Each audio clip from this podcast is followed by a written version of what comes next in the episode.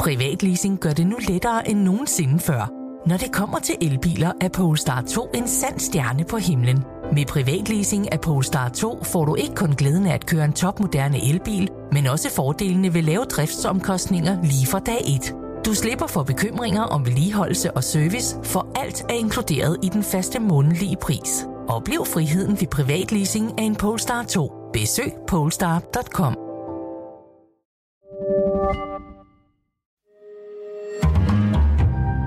Berlingske.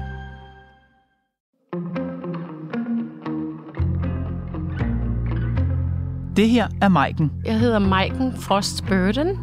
Jeg er 52 år, sygeplejerske, uddannet i USA. Maiken har behandlet kræftpatienter på et amerikansk hospital i 28 år. Og nu er hun tilbage i Danmark. Hun vil gerne arbejde på Rigshospitalet. Og Rigshospitalet vil rigtig gerne have Maiken. De sagde, at jeg skulle være velkommen og sendte mig et lønforslag. Det burde være et oplagt match. Især når man tænker på, at der mangler 5.000 sygeplejersker på hospitalerne. Men det er det åbenbart ikke. Styrelsen for Patientsikkerhed har givet Maiken afslag på at få autorisation til at arbejde i Danmark. Og hun er ikke den eneste, der kæmper med at komme igennem myndighedernes nåleøje. Mandag kunne Berlingske fortælle, at ansøgninger fra 1660 læger og sygeplejersker med udenlandsk sundhedsuddannelse samler støv på et skrivebord i styrelsen. Og hundredvis af sager trækker i langdrag på grund af omfattende dokumentationskrav og vurderinger. Myndighederne skal naturligvis være sikre på, at dem, der arbejder på hospitalerne, har de rette kvalifikationer. Men stiller de for høje eller forkerte krav? Hør Markens historie og vurder selv. Velkommen i Pilestræde.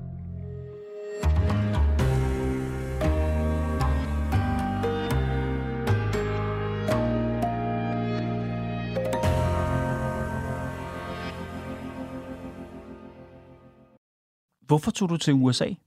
Ja, jeg tog til USA, øh, fordi jeg elskede at rejse og ville opleve øh, verden. Så jeg tog over til min mors kusine med min gode veninde Camilla, og vi skulle bare være der i tre måneder. Hvor gammel var du? Jeg var 18 år. Det var lige efter studentereksamen. Og så øh, blev vi der et halvt år, og så kom jeg så hjem i 1988 og sagde til mine forældre, at nu skulle jeg læse psykologi den næste efterår, for det var min drøm at læse psykologi. Uh, det jeg så gjorde, det var, at jeg arbejdede i ni måneder, uh, optjente så til studiet, for man skal jo betale for sit studie i USA, tog så en bachelorgrad i psykologi, blev så forelsket i sygeplejerske studiet, tog så det derefter. Um, men det var egentlig for bare at være der i få måneder, og et år og få måneder blev jeg lige pludselig til 33 år. Hvorfor blev du, altså oprindeligt tog du til USA for lidt psykologi. Hvorfor blev du sygeplejerske? Jeg, jeg indså, at mens jeg læste psykologi, at det var egentlig det, det medicinske øh, ved psykologien, jeg holdt af. Og øh, det var meget svært dengang at komme ind og læse videre på neuropsykologi, for eksempel.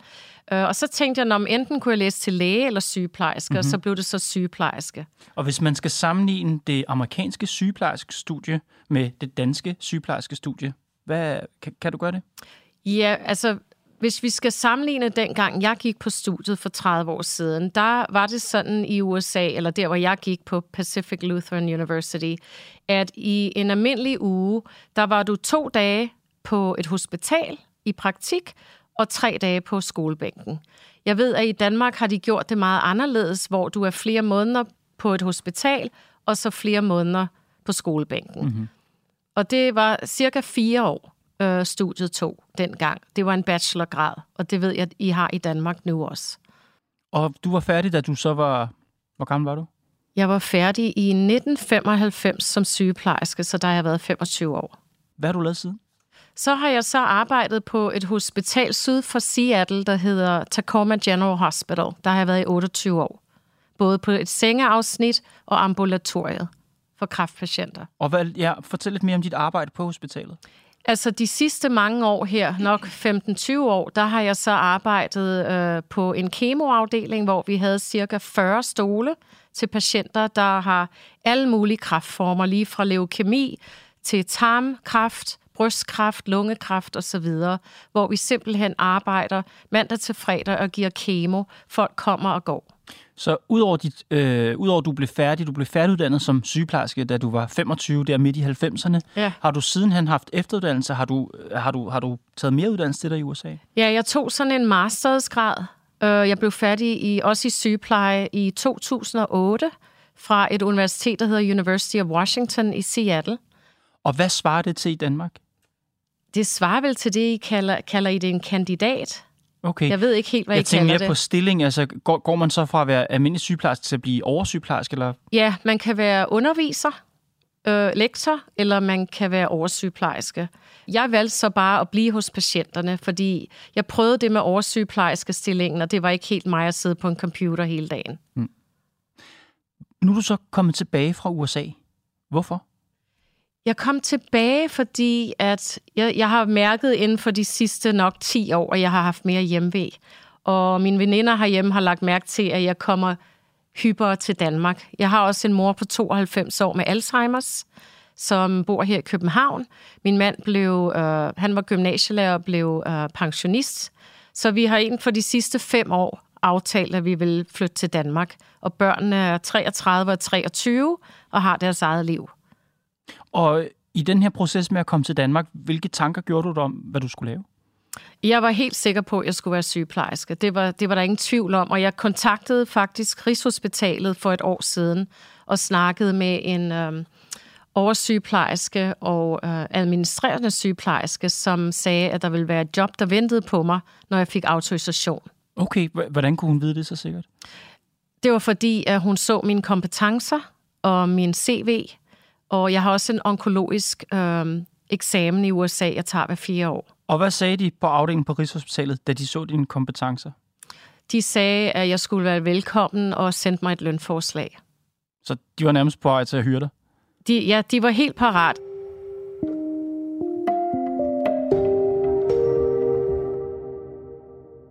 Når man kommer til Danmark og ikke er uddannet herhjemme, så skal man igennem en proces, man skal godkendes for at kunne arbejde Ja. som sygeplejerske. Prøv at fortælle om det. Det startede så i marts måned, starten af marts, hvor jeg indsendte min ansøgning til Styrelsen for Patientsikkerhed.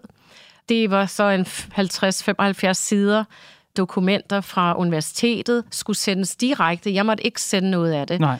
Min arbejdsgiver i USA sendte papirer og så videre. Det tog lidt tid, men 17. marts havde jeg fået at vide, de havde fået det med posten. Mm-hmm. Der var ikke noget, der måtte mails. Mm. I løbet af foråret, øh, så havde jeg også fået, øh, Rigshospitalet havde også skrevet et brev til styrelsen. Sådan en anbefaling, eller? Ja, at de ville ansætte mig, og de var klar til at ansætte mig og have et job parat. Og så i løbet af foråret, så gik vi lidt frem og tilbage, mig og styrelsen, med, at jeg skulle have nogle flere, øh, en masse flere ting, jeg skulle have sendt fra mit universitet i USA, som så igen ikke måtte være per mail, det skulle med posten. Og fortæl om de ting. Hvad er det for nogle ting, man skal sende fra universitetet og fra hospitalet i USA? De ville have noget mere om selve te- de teoretiske klasser for universitetet, som jeg fik universitetet til at sende, for jeg måtte ikke sende det. Og så ville de have at vide om de praktiske, kliniske timer, jeg havde taget for 30 år siden. Hvad, hvad er det, de gerne vil vide? De vil gerne vide timeantallet, jeg havde i praktik. Det var ikke nok, at jeg vi- beviste, at jeg havde bestået selve studiet og var mødt op og havde karakterer. Man tager også en eksamen i USA, efter mm-hmm. man er færdig. Det var ikke nok. Jeg skulle simpelthen bevise de nøjagtige antal timer, og jeg måtte ikke selv erindre dem. Så, og hvad gjorde du så? Så kontaktede universitetet en to-tre gange, og de var rigtig venlige, men de sagde, at de havde ikke de, de, havde ikke de oplysninger, for den gang var der ikke automatik og computer og IT, som vi har i dag. Øh, Så kontaktede jeg staten Washington Nursing Commission for at høre, om de havde noget, og de sagde, at jeg skulle kontakte universitetet. Ja. Så der var ikke rigtig meget at gøre. Så selvom du har et eksamensbevis fra USA, et eksamensbevis, man kun kan få, hvis man både har den teoretiske og den praktiske del, altså det kan ikke lade sig gøre at få Nej. den eksamen på anden vis, Nej. så fordi du ikke kan dokumentere ned på timeantal din praktiktid, Ja. så hvad, hvad endte det med i Danmark? Jeg endte med at få afslag på autorisationen på grund af, at jeg ikke kunne dokumentere mine kliniske timer fra starten af 90'erne. Så det var ikke det, at du havde været i praktik, det kunne du godt dokumentere, men du kunne ikke dokumentere, hvor mange timer per uge. Netop. For mit transcript med mine karakterer, der stod nemlig, at jeg var i klinik hvert semester, og hvad jeg havde fået i karakterer, og hvad måneder og år det var. men der stod ingen datoer og antal timer. De senere år har vi set, at der er blevet færre sygeplejersker, mens der er blevet flere patienter. Der er ikke nok sygeplejersker. Nej, okay. Det går simpelthen ikke.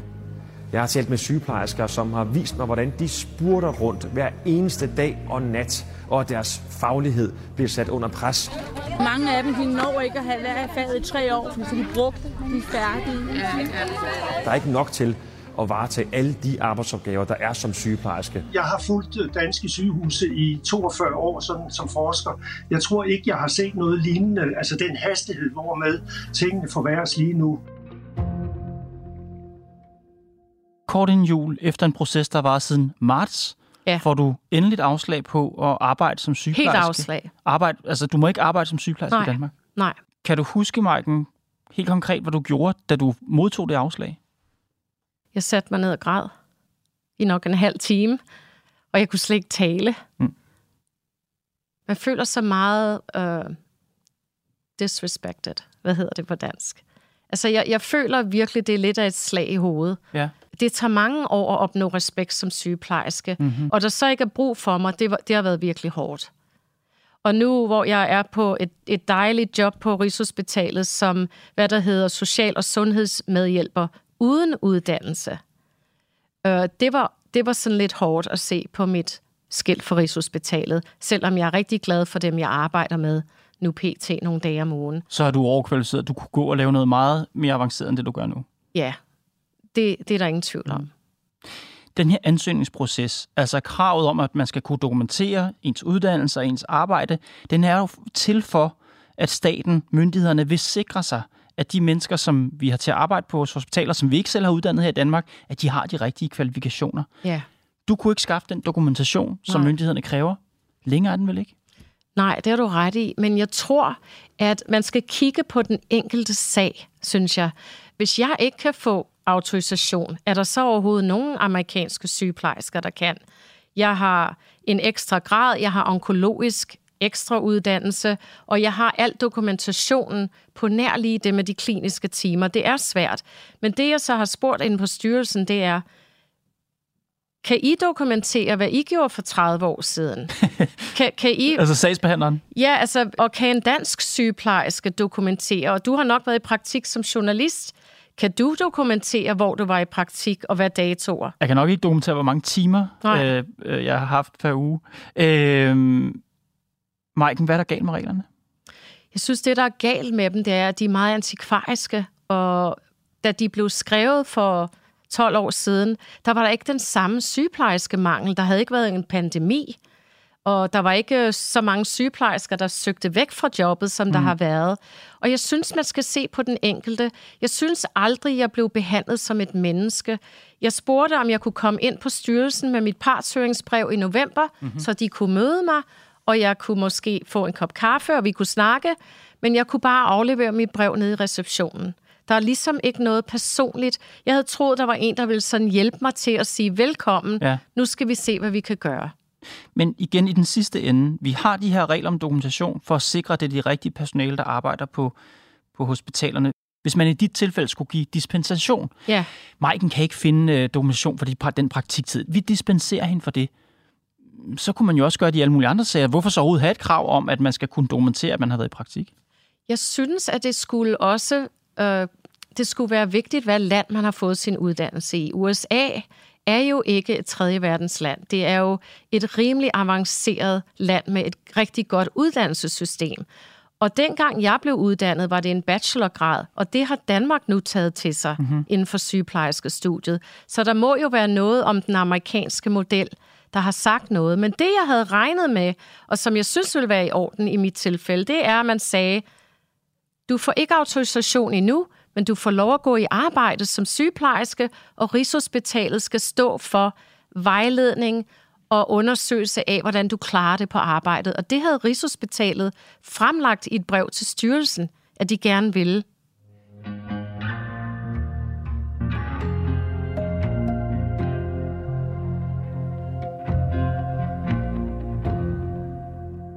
Maiken, vi har spurgt Indrigs- og Sundhedsminister Sofie Løde til den her sag, og hun siger til Berlingske, Jeg er meget optaget af, at vi skal sikre, at dygtige udenlandske sundhedspersoner hurtigere kan få godkendt deres autorisation, så de kan komme ud og bidrage på sygehusene. Derfor indgår hurtigere sagsbehandling af autorisationssager i regeringens forhandlinger om en akutpakke, hvor vi vil afsætte endnu flere midler til at nedbringe sagspuklen. Hvad siger du til det?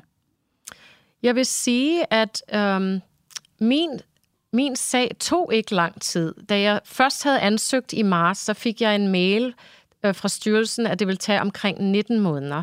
Så der vil jeg sige, det gjorde det jo ikke. Så det var jo fint nok. Det tog så fra marts til december. 9 måneder. Så det var hurtigere, end hvad jeg havde troet. Men selvfølgelig, jeg fik afslag. Så for mig vil det ikke hjælpe, at, at uh, der er hurtigere mm. sagsbehandling. Og så siger hun videre til os, at regeringen også er ved at se nærmere på, om reglerne for arbejdstilladelse kan gøres mere smidige, som hun siger. Det lyder ja. meget godt. Det lyder godt, men jeg har jo allerede arbejdstilladelse, fordi jeg er dansk statsborger. Så det, de skal gøre, det er, at de skal simpelthen kigge på de individuelle sager som min egen, og sige, okay, her har vi en, der har arbejdet i 28 år inden for kraftsygeplejen, og har fået job netop inden for kraftsygeplejen. Mm-hmm. Og vi har et hospital, der gerne vil overse, hvad hun laver og gør. Men det lyder også som noget, der kan enten forlænge eller fordyre sagsbehandlingen, fordi du ved udmærket, ligesom jeg gør, at lige så snart der skal en vurdering ind over, så er det flere mandetimer, der skal flere, der skal sidde og kigge på de her ting, i stedet for at man bare kan tække af flueben for flueben. Har hun det? Tjek. Har hun det? Tjek. Nej, det har hun ikke øh, afslag. Altså, det er jo en, en mere omfattende proces. Det er det, men det er der, jeg synes, vi skal lægge pengene, fordi jeg tror, øh, jeg ved ikke, hvor mange der egentlig fik afslag øh, her sidste år. Nej. Men øh, det er sikkert en masse amerikanske sygeplejersker, vil, vil jeg tro en masse amerikanske sygeplejersker, som har en god sygeplejerskeuddannelse, ja. men som på grund af teknikaliteter ikke kan hjælpe til på de danske hospitaler. Ja, og jeg har jo den gode ting ved, at jeg er dansk statsborger og taler dansk. Ja. Du har klaget til ministeriet? Ja. Fortæl om det. Jeg fik seks uger fra afgørelsen til at sende en klage. Så det gjorde jeg så øh, sammen med et brev fra Rigshospitalet. Og så fik jeg at vide, at inden for de næste 3-4 uger fra nu af, vil jeg få at vide, hvad Sundheds- og Indrigsministeriet synes om min klage. Jeg har så ikke hørt noget endnu. Mm. De har nok en 3-4 uger endnu, mener jeg. Tror du nogensinde, du kommer til at arbejde som sygeplejerske i Danmark? Ja, det tror jeg faktisk, jeg vil gøre. Hver gang jeg har talt med en, vel om det er hos Menu, eller hos en frisør, eller inde i magasin, for jeg kan godt lide at tale, der har alle sagt, hvor er det dejligt, du er her, du er sygeplejerske, vi har brug for dig, det må være let at få lov at få et job i Danmark. Og så sagde jeg, ja, at få jobbet har været rigtig let, men at få lov at arbejde har ikke været let. Jeg har stadigvæk håb.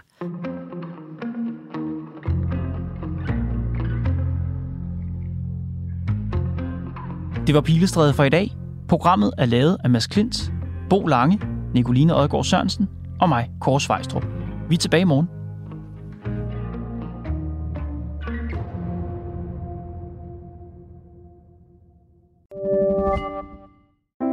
Privatleasing gør det nu lettere end nogensinde før. Når det kommer til elbiler, er Polestar 2 en sand stjerne på himlen. Med privatleasing af Polestar 2 får du ikke kun glæden af at køre en topmoderne elbil, men også fordelene ved lave driftsomkostninger lige fra dag 1. Du slipper for bekymringer om vedligeholdelse og service, for alt er inkluderet i den faste månedlige pris. Oplev friheden ved privatleasing af en Polestar 2. Besøg polestar.com.